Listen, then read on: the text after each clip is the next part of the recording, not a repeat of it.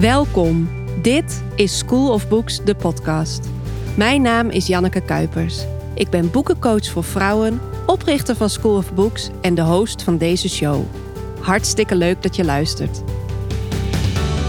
Bijzondere boeken en jouw en mijn persoonlijke groei staan centraal in deze podcast. Ben je net als ik nooit uitgeleerd en hou je van lezen en zelfontwikkeling? Dan zit je hier goed.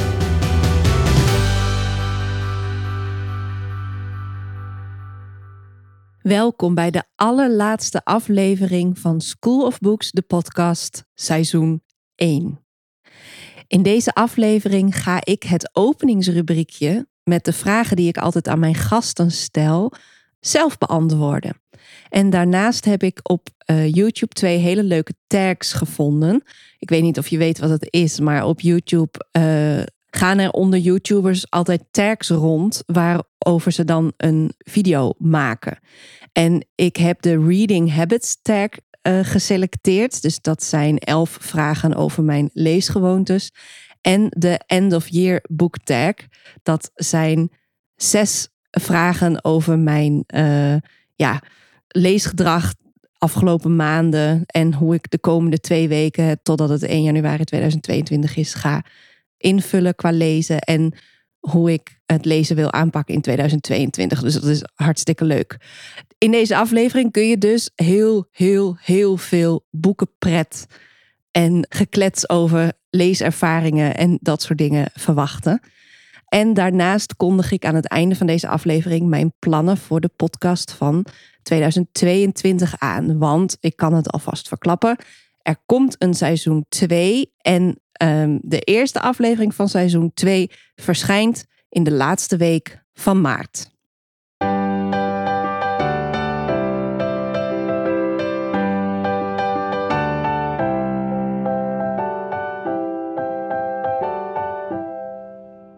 De allereerste vraag die ik mijn gasten eigenlijk altijd stel is: welk boek heeft je leven veranderd?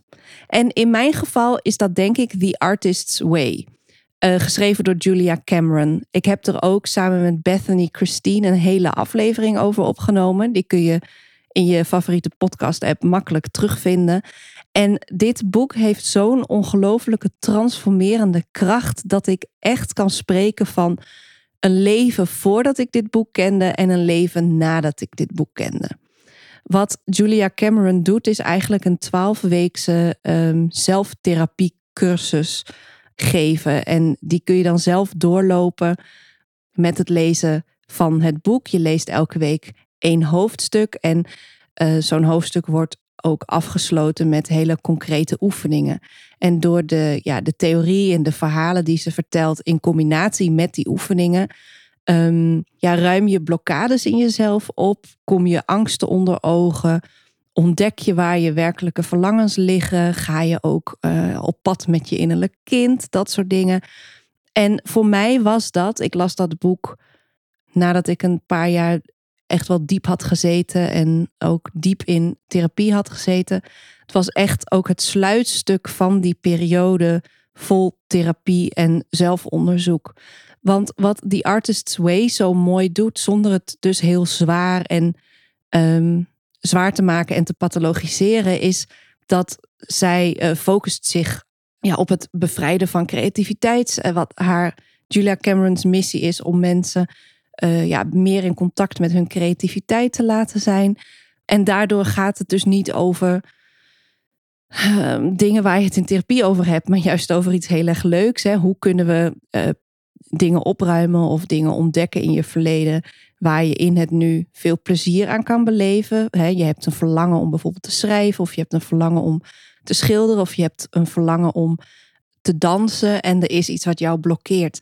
En als je dat op creativiteit toepast, dan is dat heel erg overzichtelijk. Maar het is zo nauw verbonden, denk ik. Je durven uiten is zo nauw verbonden met wie je in de kern, wie je in wezen bent, dat het um, ja, heel helend werkt en daardoor eigenlijk de perfecte aanvulling is op therapie. Dus voor mij is het The Artist's Way geschreven door Julia Cameron.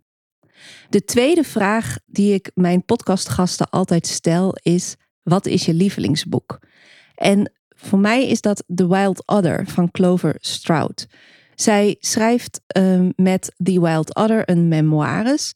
En ja, zij vertelt eigenlijk, terwijl zij haar vierde kind steeds zit te voeden, dat pas geboren is in een hele hete zomer, um, ja, over haar leven. En zij heeft op haar zestiende haar moeder verloren en dat heeft een hele grote impact op haar. Ze heeft haar moeder namelijk niet verloren in de zin van dat de moeder is overleden, maar die moeder krijgt met paardrijden een uh, ongeluk en is daarna eigenlijk altijd fulltime opgenomen.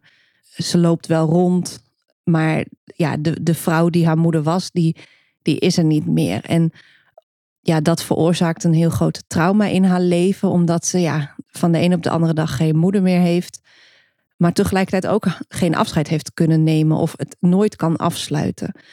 En ja, Clover Stroud is sowieso geboren in een hele onconventionele familie. En um, haar moeder was ook een hele vrijgevochten vrouw met een ontzettend authentiek leven. En dat geldt ook voor Clover Stroud zelf. Zij gaat al heel jong alleen op reis naar Amerika. Zij vindt eigenlijk altijd wel werk met paarden. Ze zoekt ook om haar pijn te verzachten ontzettend de grens op met mannen, maar ook in het racen met paarden of in het ja, temmen van paarden. Zij volgt haar hart. Zij wordt op een gegeven moment ook verliefd op een man uh, en reist hem achterna naar, ik weet even niet meer het land, maar waar ook oorlogsdreiging hangt. En het is één groot verhalenavontuur, maar ontzettend mooi geschreven. Heel erg mooi ook verbonden met de mythologie van die plek waar zij woont in ehm, eh, Engeland. En um, ja, zij volgt haar hart. Ze is eigenlijk vrij. ze leeft een heel vrij leven. Maar tegelijkertijd is ze helemaal niet vrij, omdat ze zoveel pijn voelt nog over dat verlies. En dus ook heel veel keuzes ja, zijn eigenlijk gebaseerd op het ontsnappen aan die pijn. En ja, dat geheel is gewoon zo inspirerend dat je aan de ene kant ja, kun je je optrekken aan iemand die ontzettend ja, vrij durft te zijn en onconventionele keuzes durft te maken. En anderzijds vind ik dat trauma en hoe zij met dat trauma omgaat en hoe dat trauma ook in haar dagelijks leven steeds weer ja, de kop opsteekt. Uh, heel, heel herkenbaar. En ja, zij heeft daar gewoon kunst kunst van gemaakt, van haar eigen leven, van haar pijn. Ik heb dit boek met mijn leesclub gelezen, de leesclub die ik met mijn vriendinnen heb. En dat was heel grappig dat uh, die vriendinnen die het meest qua persoonlijkheid op mij lijken en die vonden het heel fijn, maar de vriendinnen die ja ietsje, ietsje nuchterder in het leven staan, die misschien ook ja niet iets hebben meegemaakt op het gebied van depressie of uh, trauma, die, die vonden het een heel ingewikkeld boek en hebben het ook niet uitgelezen, omdat ja, zij zeiden van ja, wat zit die vrouw nou de hele tijd magisch te denken? Wat, doet ze nou de hele tijd dan? Terwijl ik alleen maar de hele tijd dacht, oh, als ik wil dat iemand mij leert kennen zoals ik ben, dan hoef ik hem of haar alleen maar dit boek te geven. En dan, dan kan, een kan iemand mij begrijpen. Nou ja, heel persoonlijk boek dus. De derde vraag die ik altijd aan mijn uh, gasten stel is hoe, waar en hoeveel lees je? En inmiddels heb je misschien wel in de gaten waarom ik deze vragen stel aan ja, mensen die ik of ken en wil introduceren aan jou als luisteraar, of die ik zelf ook wil leren kennen. Want door over boeken en over je leesgewoontes te praten, vind ik altijd, leer je iemand heel snel kennen. En voor mij is het antwoord op deze vraag dat ik elke dag voor het slapen gaan probeer te lezen. Ik ga ook altijd echt bewust veel eerder naar bed dan qua slaap uh, noodzakelijk is, zeg maar. Dus meestal uh, probeer ik om een uur of acht offline te gaan, uh, alle schermen weg. En om negen uur wil ik ook echt in bed liggen om te gaan lezen.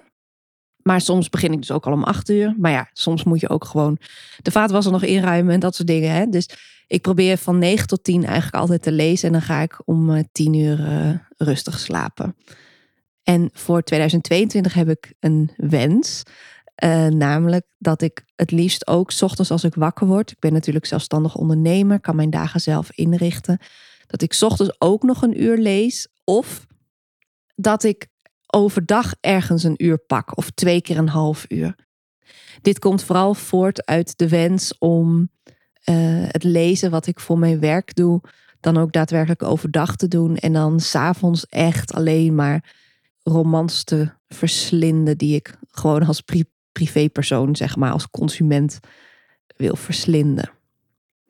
En dan komen we bij de laatste vraag. Wat is jouw gouden tip voor veel of meer leesplezier?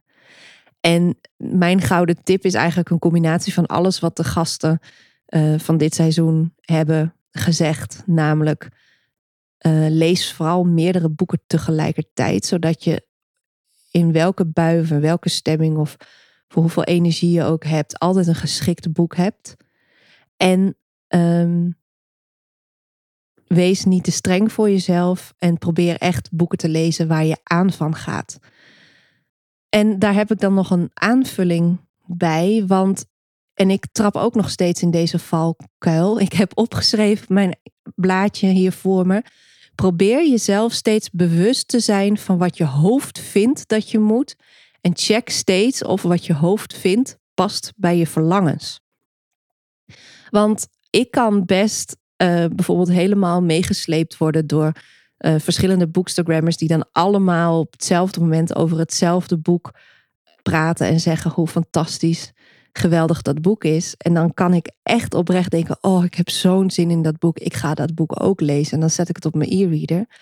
En vervolgens dan begin ik met lezen en dan is er iets. Dan spreekt het thema niet, me niet aan. Of, of is het net de toon op dat moment wat even niet past of iets.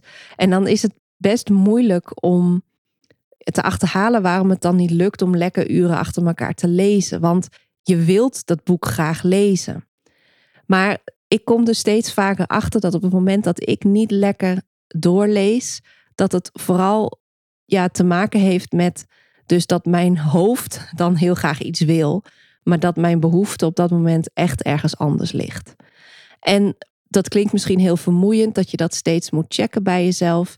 En dan kom ik weer terug bij mijn allereerste tip, namelijk lees meerdere boeken tegelijkertijd. Je kan gewoon in je bed gaan liggen. Ik heb altijd meerdere boeken op mijn nachtkastje liggen. Uh, er zitten natuurlijk ontzettend veel boeken staan er op mijn e-reader. En als ik na drie pagina's merk, nee, dit is niks, ik kom er niet in, dan pak ik gewoon een ander boek. En ja, heel soms gebeurt het wel dat ik dan na drie of vier boeken denk, ja, nee, dit wordt het gewoon niet vandaag. Dat is dan ook oké. Lezen mag leuk zijn. Lezen is heel goed voor je. Dus het is belangrijk dat je hè, je best doet om regelmatig te lezen, omdat het een vorm van zelfzorg is. Maar het mag vooral leuk zijn.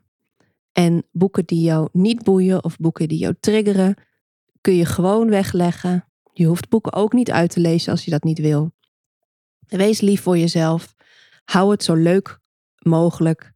En echt het allerlaatste wat ik erover zeg, wat ik je ook echt kan aanraden, is om altijd ook een kinderboek uh, erbij te hebben. Of een boek wat je al kent, maar waar je instant nostalgisch van wordt. Dat als het echt niet wil, als het gewoon niet lukt om nieuwe informatie tot je te nemen. Of als je heel erg behoefte hebt aan troost. Dat je altijd zo'n kinderboek erbij kan pakken. Zodat je weet dat ongeacht wat er gebeurt, of de hele wereld nou om je heen in elkaar stort. Als jij eventjes lekker op bezoek in de Chocolate Factory kunt zijn. Uh, samen met Willy Wonka en Charlie. Dan is dat heerlijk. En dan kun je ontspannen. Dan heb je al die positieve effecten van het lezen. Voed je jezelf oneindig veel meer dan wanneer je lam ellendig op je telefoon blijft hangen. Ehm, ja, dus veel tips. Maar onthoud maar vooral dat je jezelf elke keer opnieuw, elke dag opnieuw mag geven waar je op dat moment naar verlangt. En als je net drie dagen heerlijk hebt gesmuld van een bepaald boek, dan is dat geen falen of opgeven als je op dag vier ineens behoefte hebt aan iets anders. En dan pak je dat eerste boek er later gewoon weer bij. Nou, dat waren de vier vaste vragen uit mijn openingsrubriek. En deze openingsrubriek keert in 2022 in het tweede seizoen absoluut terug. Maar ik ga de vragen wel een beetje opschudden. En daar kan ik jouw suggesties bij gebruiken. Dus stuur mij vooral een mailtje naar janneke@schoolofbooks.nl als je ideeën hebt of als jij denkt dat wil ik nou eigenlijk altijd weten als jij een gast spreekt. En dan gaat het dus over alternatieve vragen over bijzondere leeservaringen en mooie boeken.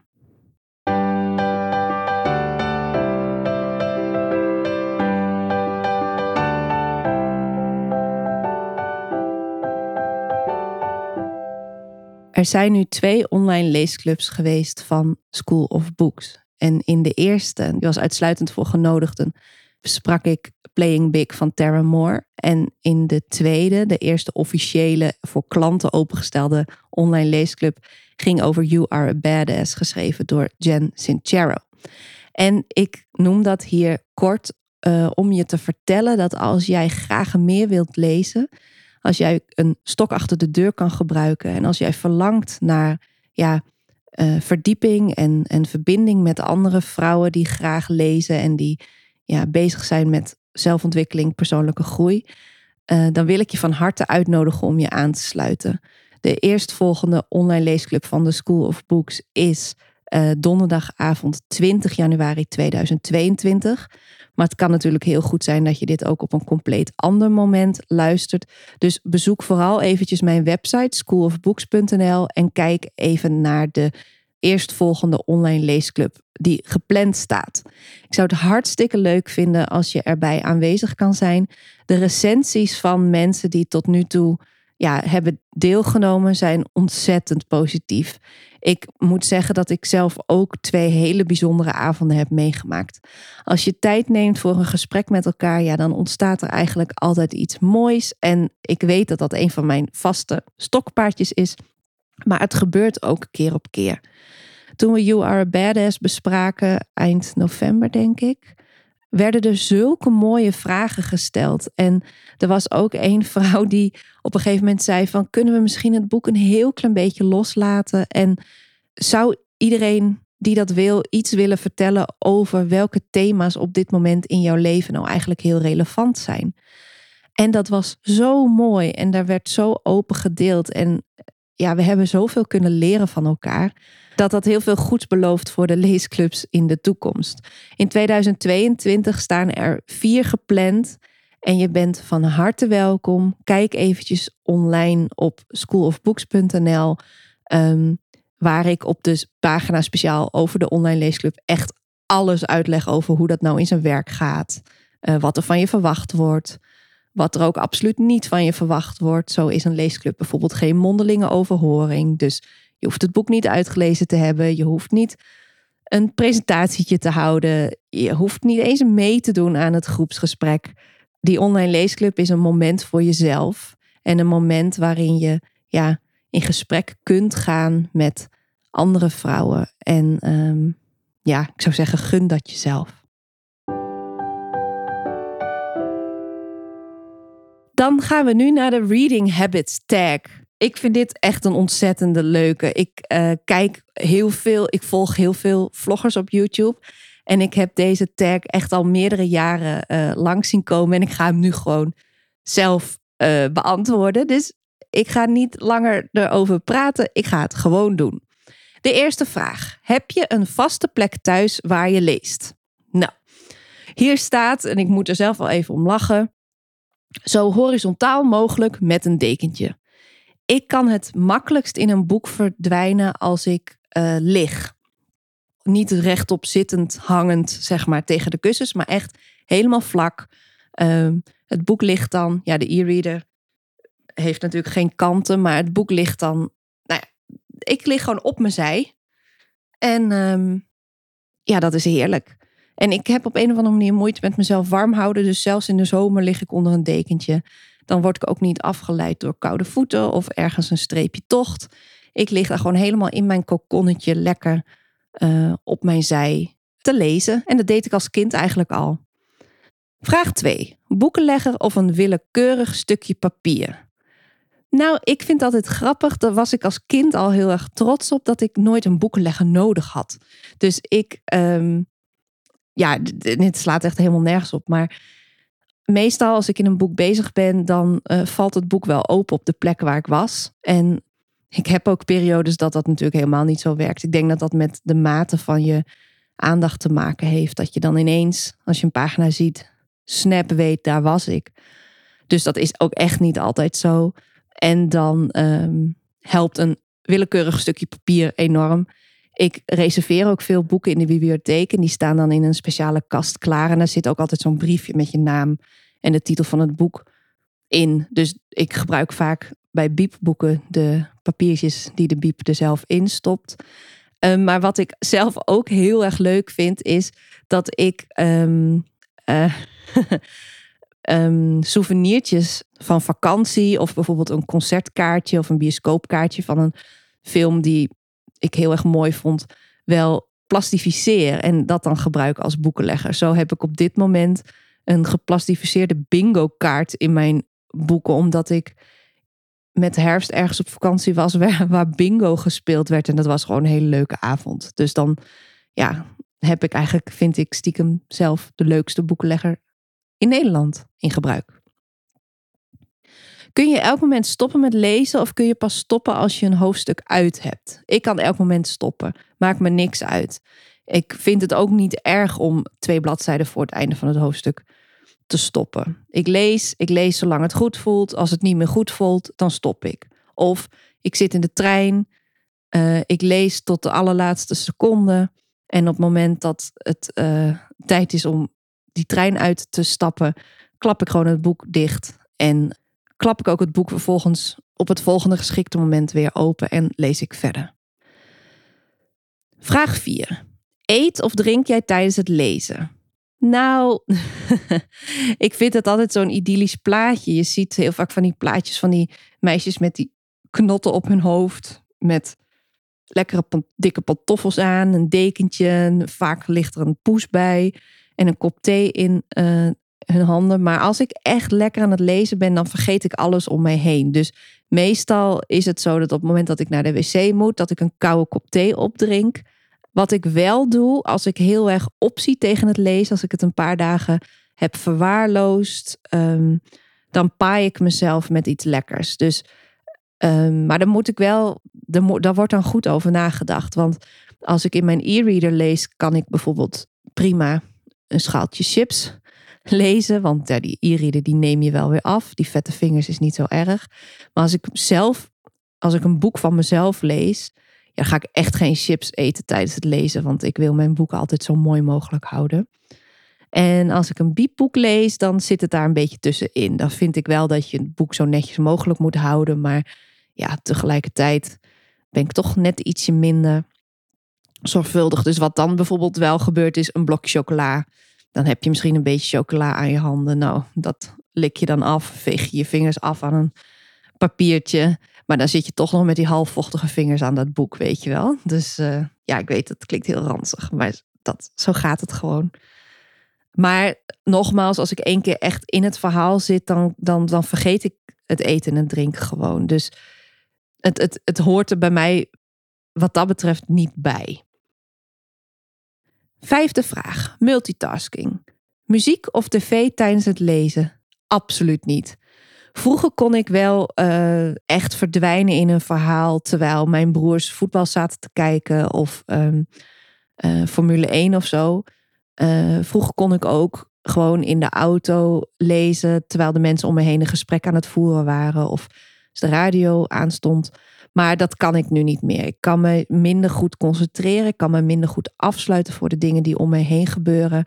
En uh, het lezen wordt daardoor ja, eigenlijk nog moeilijker. Dus ik ben het liefst gewoon alleen in een ruimte.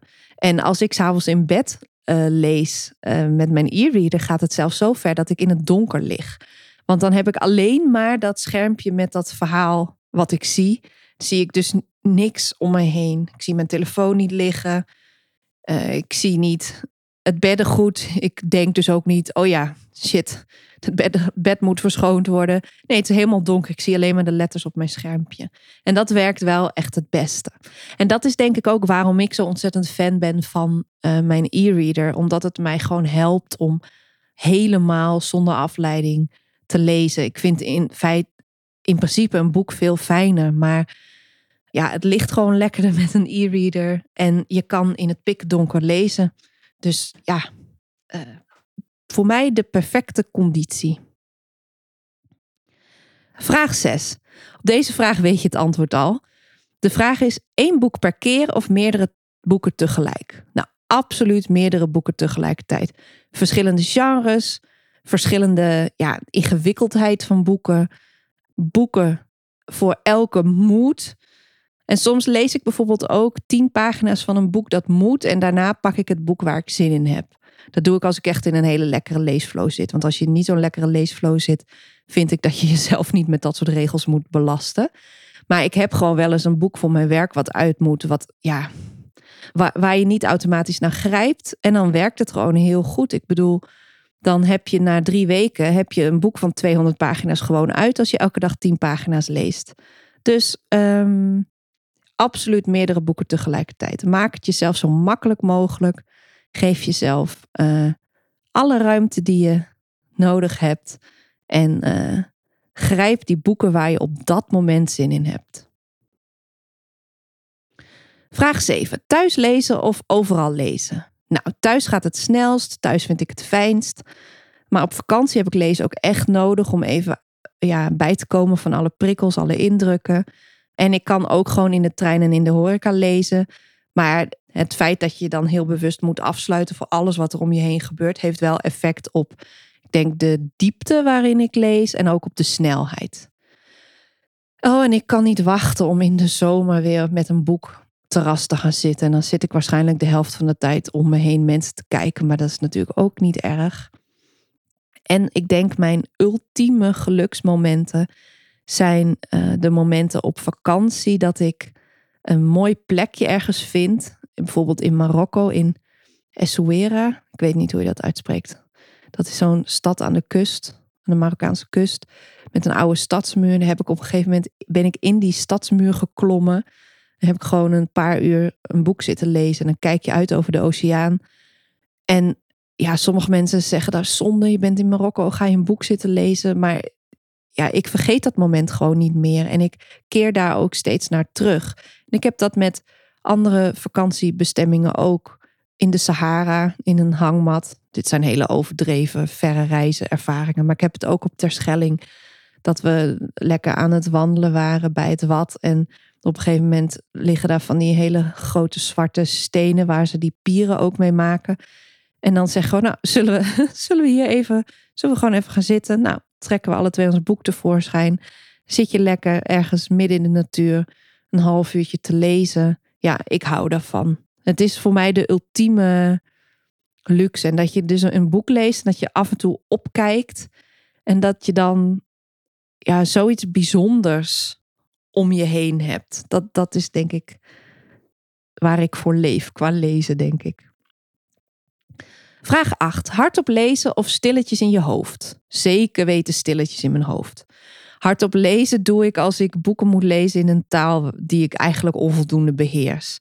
En dan, dan lees je heel snel over de tekens heen, omdat de tekens eigenlijk uh, ja, zich niet vertalen in ja, woordbeeld, dat er geen betekenis aan uh, gekoppeld wordt. En op het moment dat je het probeert uit te spreken, dan kun je ineens ook ja, betekenis van het woord ophalen uit je auditieve geheugen. Nou ja, allemaal technisch gepraat, maakt ook niet zoveel uit. Maar ja, ik denk als je hardop leest, dan uh, mag je blij zijn dat je een boek per jaar leest, toch?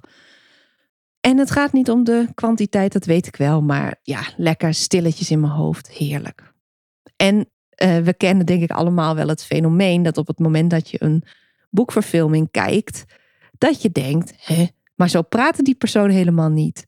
En dus ook als je stilletjes in je hoofd leest, zijn je hersenen druk bezig met alle personages, uh, ja, verschillende stemmen, verschillende intonatie, verschillende klanken mee te geven. Dus ik denk ook zeker niet dat stilletjes lezen een, uh, een zwakte bot is ten opzichte van hardop lezen.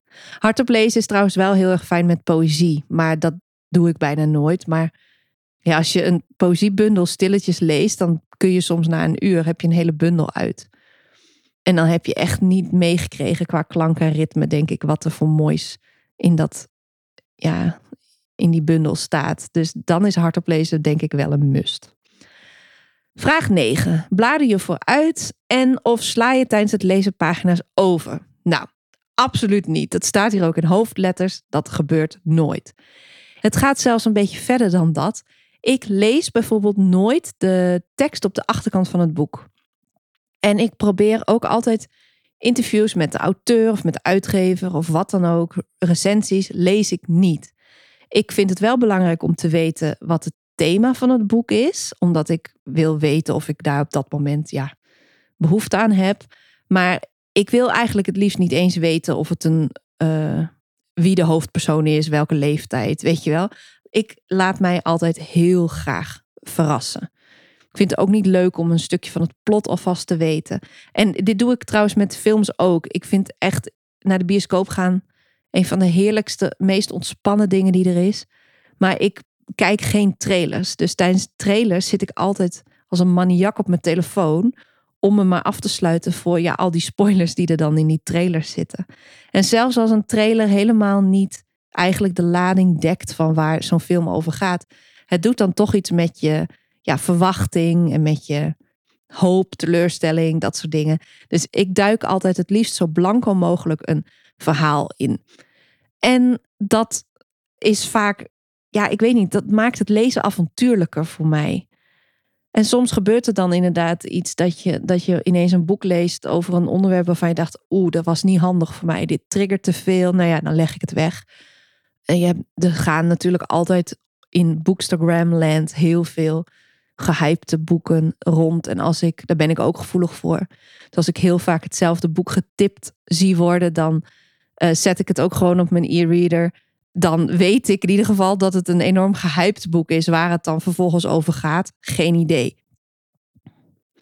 Vraag 10. Je weet je het antwoord inmiddels ook wel op. De rug breken of je boek als nieuw houden? Nou, als nieuw houden. Ik doe daar heel erg mijn best voor. Ik doe daar zozeer mijn best voor dat ik ook boeken die ik thuis heb, alsnog uit de biep haal als ze aanwezig zijn.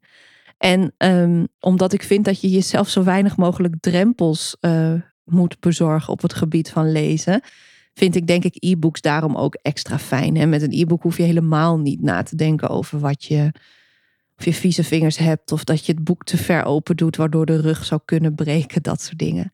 En uh, wat misschien ook wel leuk is, als ik een hardcover uh, lees met zo'n stofomslag, dan haal ik altijd het stofomslag erom vandaan. Zodat je nou, dat helemaal mooi houdt. Heb ik het boek uit, vouw ik netjes het stofomslag er weer omheen, gaat het boek terug de kast in.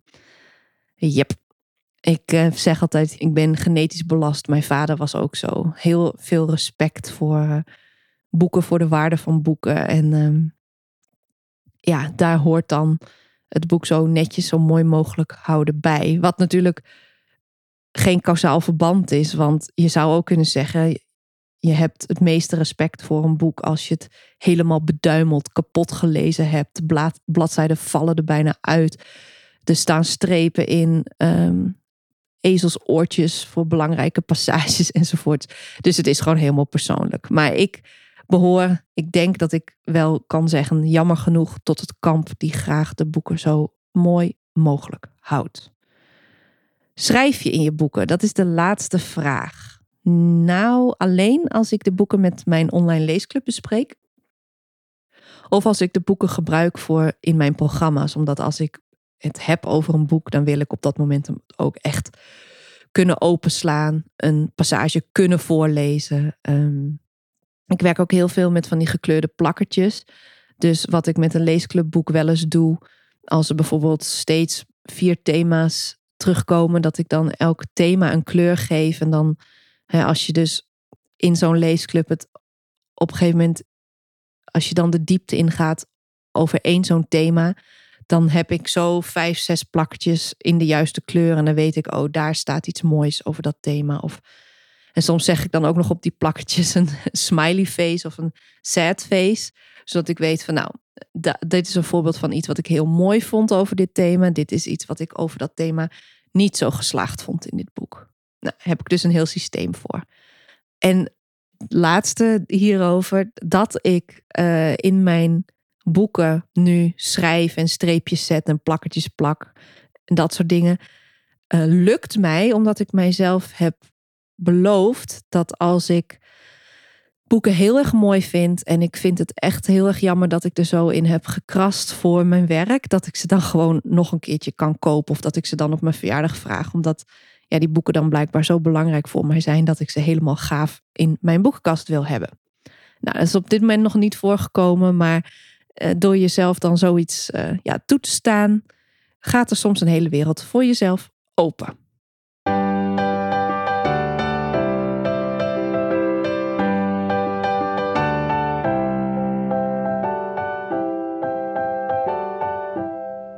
Als je naar mijn website gaat, dan zie je op de homepagina op een gegeven moment gratis tools voor meer ruimte voor jezelf. Dan kun je meteen aan de slag met een van de downloads die ik heb gemaakt. En de download die heel erg past bij deze aflevering heet Proud Book Junk, het verslavende effect van lezen. Ik heb namelijk een mini masterclass opgenomen aan de hand van het boekje van Erik Scherde, Hersenen willen lezen. En daarin vertel ik waarom lezen zo ontzettend goed voor je is. Positieve effect van lezen ook op ons brein. En hoe je je voordeel met deze kennis kunt doen in je self-care routine. En omdat lezen uh, verslavend kan zijn, vertel ik je in die mini masterclass eigenlijk hoe je dat verslavende effect kunt ja, uitbuiten of inzetten zodat het voor jou steeds makkelijker wordt om naar een boek te grijpen. En ik ben zelf heel erg blij met die mini masterclass. Ik vind het echt leuk. Het is natuurlijk een grote explosie van boekenliefde en ook mildheid. Want um, ja, ik denk dat we in deze tijden nooit te veel ja, instrumenten om te leren ontspannen of instrumenten om stil te zijn met jezelf in onze gereedschapskist kunnen hebben. En als je die mini masterclass downloadt, dan krijg je daarna ook um, mailtjes waarin ik samen met jou een gezonde realistische, haalbare leesroutine ja, op poten zet. Dus vind jij lezen heerlijk? Heb je voor 2022 uh, eh, ja, verlangens? Vind je het leuk om op een andere manier naar lezen te kijken? Te kijken hoe je lezen ook kan inzetten als vorm van zelfzorg? Ga dan even naar mijn website en uh, download uh, mijn mini masterclass Proud Book Junk: Het verslavende effect van lezen. Leesplezier en boekenpret gegarandeerd. Dan gaan we nu verder met de End of Year Book Tag. Het zijn nog zes vragen. En um, ga er niet te lang over uitweiden. De eerste vraag is: zijn er boeken waar je dit jaar aan begonnen bent, die je dit jaar ook nog echt wil uitlezen? Nou, zeker. Uh, de eerste is Beloved of Beminde van Toni Morrison. Dat is een prachtige roman. Ik ben in het Engels begonnen. Het is magisch realisme en uh, dat maakt samen met ja, de taal die gebruikt wordt, dat het een heel ontoegankelijk verhaal eigenlijk is. En dat je de hele tijd eigenlijk in gevecht of in overleg bent met jezelf van, snap ik nou wat hier staat? Staat dit er echt? Nee, dit, ik snap het niet. En dat leest niet zo lekker door. Dus ik heb nu een soort van knieval gemaakt en ik heb het boek uh, gereserveerd uh, bij de bibliotheek in het Nederlands. Ik neem aan dat zo'n enorme klassieker goed vertaald is. En ik ga het dus eh, in het Nederlands uh, verder lezen, omdat ik, ja, ik weet niet, ik kan het deze maand niet zo goed hebben dat ik de hele tijd me afvraag of ik het verhaal wel goed begrijp. Dus op die manier probeer ik dat doel een beetje realistisch te maken. Het tweede boek heet Wintering, geschreven door Catherine May. En daar ben ik echt al wel een poosje uh, in bezig. Maar het is zo mooi dat ik het eigenlijk niet uh, wil pakken, omdat ik het niet wil uitlezen. Wat natuurlijk stom is, want als het boek uit is, kan ik het gewoon nog een keer lezen. Maar goed. Het derde boek waar ik in begonnen ben en wat ik graag wil uitlezen is Onderweg naar jezelf, geschreven door Jonathan Hoban. Ik heb nog maar tien pagina's gelezen of zo. Maar het, het heeft me al helemaal gegrepen. En het gaat over uh, wandelen. Hoe goed wandelen voor je is. En um, wat je eraan kan hebben. Hoe je jezelf ja, kan helpen om meer te wandelen. En dat sluit heel erg aan bij het programma wat ik aan het maken ben voor School of Books over wandelen en lezen. Maar ik wil het in december nu vooral lezen voor mezelf. Want ik denk dat ik er ook weer mijn voordeel eh, mee kan doen. Uh, tweede vraag. Heb je een herfstboek waarmee je de overgang naar de winter of het einde van het jaar maakt? Ja, dat is toch echt wel Wintering van Catherine May. Ik ben daar toen het nog herfst was in begonnen. Inmiddels, uh, ja, het is denk ik nog niet eens astrologische winter. Nou ja, maakt niet uit. Het is december. Ik vind dat het winter is. Maar um, ik heb Wintering dus um, ook echt wel gebruikt. Of, gele of erbij gepakt toen de blaadjes echt van de bomen begonnen te vallen. Ik dacht, nu mag ik uh, Wintering lezen. Het gaat trouwens helemaal niet over de winter qua natuur. Het gaat over je kunnen mogen terugtrekken in periodes dat het minder goed met je gaat. Net zoals in de natuur dieren ook af en toe een winterslaap. Of niet af en toe. Dieren die, er zijn dieren die in winterslaap gaan in de winter. En Catherine May zegt dat je in je leven ook seizoenen hebt. En dat het prima is om af en toe ja, je terug te trekken en een winterslaap te houden. En ze vult dat aan met prachtige beelden over de winter, hè, over de natuur. Um, maar je kan dit boek ook prima in de zomer lezen. Vraag 3. Is er een nieuw boek waar je naar uitkijkt? Nou, niet zozeer. Maar uh, Blossom Books heeft de hoofdzakenserie, waar het boek van Iris ter Haar over haar uh, angststoornis en paniek ook onderdeel van uitmaakt. Daar heb ik met haar ook een podcastaflevering over opgenomen. En daar zitten meer boeken in die serie. Dus die gaan over drugs, een meisje met ADD of ADHD.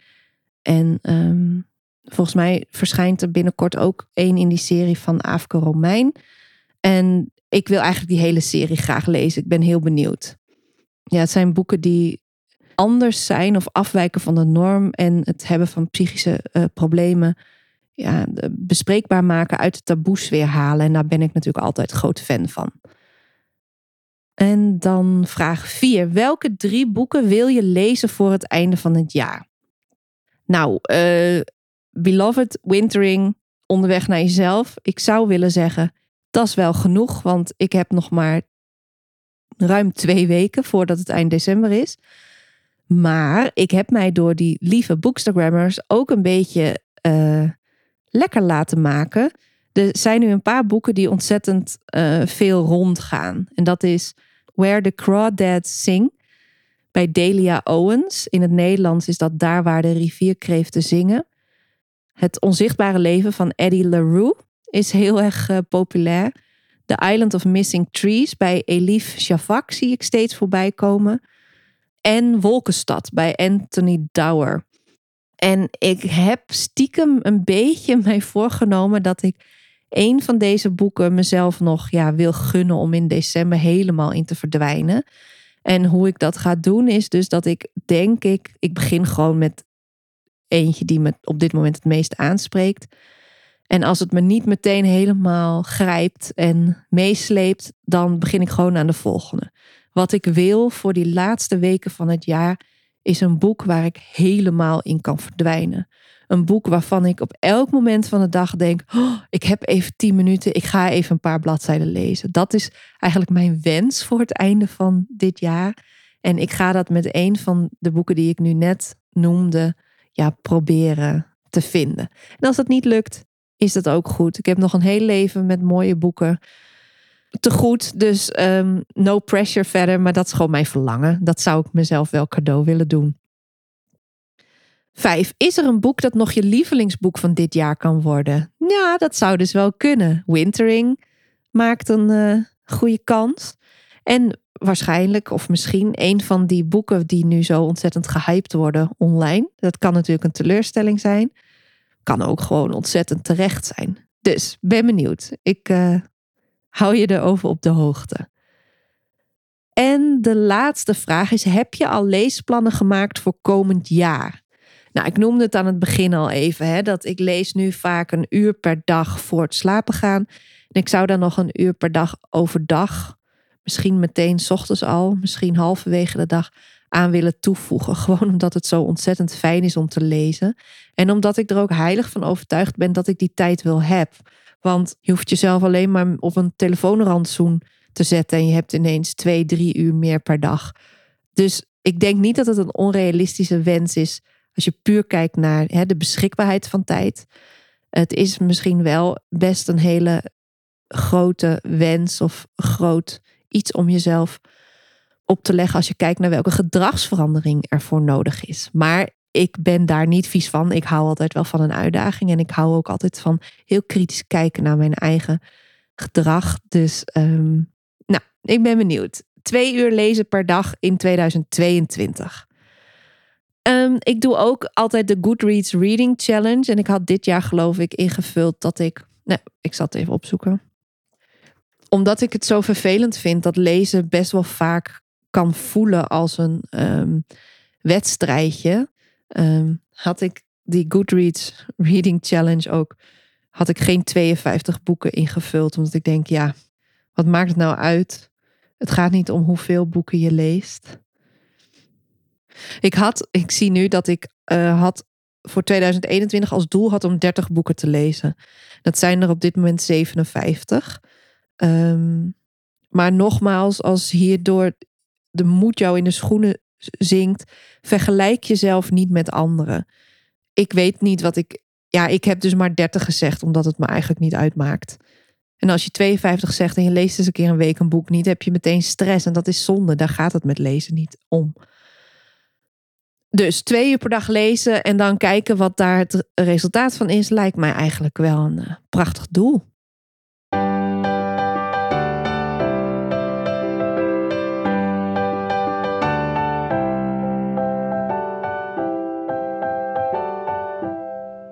Nou ben ik natuurlijk ontzettend benieuwd naar jouw leeservaringen van het afgelopen jaar, naar jouw lievelingsboek, naar jouw plannen voor de komende twee weken qua lezen. En heb jij voornemens, goede leesvoornemens voor 2022? Laat het me alsjeblieft weten. Stuur me een DM via Instagram of stuur me een mailtje. Er zijn steeds meer luisteraars die dat doen. Dus blijf vooral niet achter, zou ik zeggen. Er is niks leukers dan terughoren dat mensen ja, genieten van de content die je maakt. En ook wat ik misschien nog wel het allerbijzonderst vind, is dat mensen dus boeken gaan lezen die ik uh, noem of die een gast heeft getipt. En dat ze dan inderdaad bij mij terugkomen en zeggen: Oh, dat was zo bijzonder, dat was zo'n fantastisch boek. Of dat, uh, het was heel leuk, een vrouw die uh, had ik een boekentip gegeven omdat we aan het, in de DM aan het kletsen waren. En toen had ze het voor zichzelf gekocht. En toen iedereen bij haar thuis in het gezin een schoentje mocht zetten, had Sinterklaas dat boek in haar schoen gedaan. En toen hebben we natuurlijk nog gegrapt van: Goh, wat heeft die oude man een goede smaak, weet je wel. Dat soort dingetjes zijn zo ontzettend leuk. Dus laat iets van je horen. Ik ben heel erg benieuwd. Ik wens je ja, een goede laatste weken van december toe. Wees lief voor jezelf. Hou het allemaal klein. Blijf ook gezond. En vraag niet te veel van jezelf. Niet tijdens de feestdagen, niet rondom de feestdagen, maar ook niet voor het ja, begin van 2022. Rustig aan met die goede voornemens. Je bent goed zoals je bent. Probeer vooral te luisteren naar waar je diep van binnen behoefte aan hebt. En probeer daar handen en voeten aan te geven. En probeer vooral je hoofd zo rustig mogelijk te houden. En uh, als dat hoofd schreeuwt dat je in januari vier kilo moet afvallen. En dat je vanaf nu elke week een boek moet lezen. Weet dat je dan rustig terug mag praten tegen dat hoofd. En dat dat hoofd lekker terug zijn of haar hok in mag. Want jouw intuïtie, jouw gevoel weet wat je nodig hebt. En waarschijnlijk klinkt dat dan als elke week een uitgebreide wandeling of elke dag een klein rondje wandelen. Dat is waar ik naar verlang. En dat is zoveel haalbaarder en zoveel milder dan hè, dus zeggen ik moet vier kilo afvallen. En dan nog eventjes over de plannen voor 2022. Eind maart komt deze podcast dus terug. Er komt een tweede seizoen met opnieuw 14 afleveringen. En die 14 afleveringen zijn weer een mix van gesprekken en uh, solo-afleveringen. En eind maart begint het seizoen te lopen. En dat betekent met 14 afleveringen dat eind juni seizoen 2 tot zijn eind komt. En het openingsrubriekje over bijzondere boeken en fijne leeservaringen blijft. Maar ik wil de vragen wel een beetje aanpassen. En daar kan ik jouw suggesties goed voor gebruiken. Dus stuur me een mail of stuur me via Instagram een DM. En dan uh, hoop ik dat jij mij uh, een goede tip kan geven om dat openingsrubriekje een beetje ja, up te spicen. Heb jij suggesties voor uh, onderwerpen waar ik het over kan gaan hebben of voor gasten die je graag terug hoort in mijn podcast? Laat het me dan ook even weten. Nou, dit was het. Ik hoop dat je genoten hebt. Alle boekentips, alles wat ik heb genoemd, vind je terug in de show notes. Uh, heb een mooi uiteinde. En tot volgend jaar.